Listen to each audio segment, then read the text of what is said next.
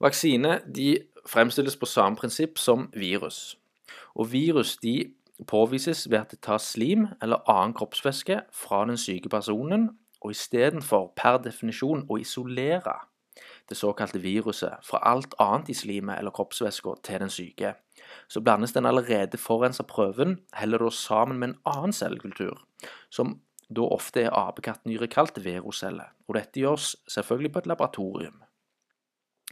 Og Prøven blir da med andre ord bare mer forurensa enn den i utgangspunktet var da den kom fra kroppen til den syke. Og Når slim eller kroppsvæske nå er blanda med verocellene, så dehydreres og sultes hele cellekulturen, for så å tilføres oksidasjonsmiddel og antibiotika, som i seg selv skaper en inflammasjonsprosess. Og Det vi sitter igjen med, det er en frankensteinsuppe uten like. Og Det er dette som gjøres eh, f.eks. ved SARS-CoV-2-viruset spesifikk.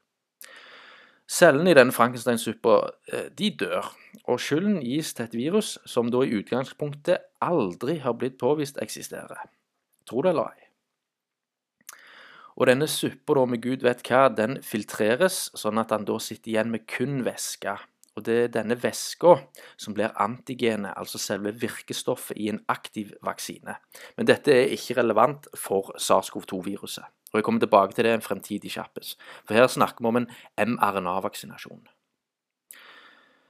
Og Jeg går tilbake til det jeg snakket om. For hvordan, eller hvorfor rettere sagt, tas ikke slimet eller kroppsvæska fra den syke og filtreres og sentrifugeres, så det heter i utgangspunktet. Vi starter heller der, og gjør det. For, det, for da vil jo viruset, så det sies årsak til sykdommen, bli, eh, bli isolert og identifisert. Sånn at det, det eneste vi sitter igjen med, det er viruset. For det er når vi har gjort dette, at vi virkelig kan begynne å putte viruset inn i andre dyr eller mennesker, for så å se om de blir syke. Og hvis de ikke blir syke, så er det jo ikke viruset som er årsaken, men da må det være andre giftige forbindelser eller miljøpåvirkninger som gjorde den opprinnelige syke syk. Altså, Han behøver ikke å ha gått flere år på skole eh, for å bli f.eks. virolog for å kunne skjønne dette. Det er sunn fornuft. Det er til og med en gullstandard som brukes innenfor fagfeltet, som jeg tidligere har nevnt og, den brukes kontinuerlig for isolering av virus på enkeltceller mikroorganismer, som f.eks. alger. Men for en eller annen grunn så utføres ikke denne gullstandarden på flercella organismer som mennesker og dyr. Og da kan du begynne å spørre hvorfor det. Gi meg én god grunn. Ja, så Dette vil si at viruset vaksina skal virke mot, er ikke påvist eller strengt talt eksisterende. Fordi viruset det er ikke isolert, altså per definisjon isolert, fra sykt individ i utgangspunktet.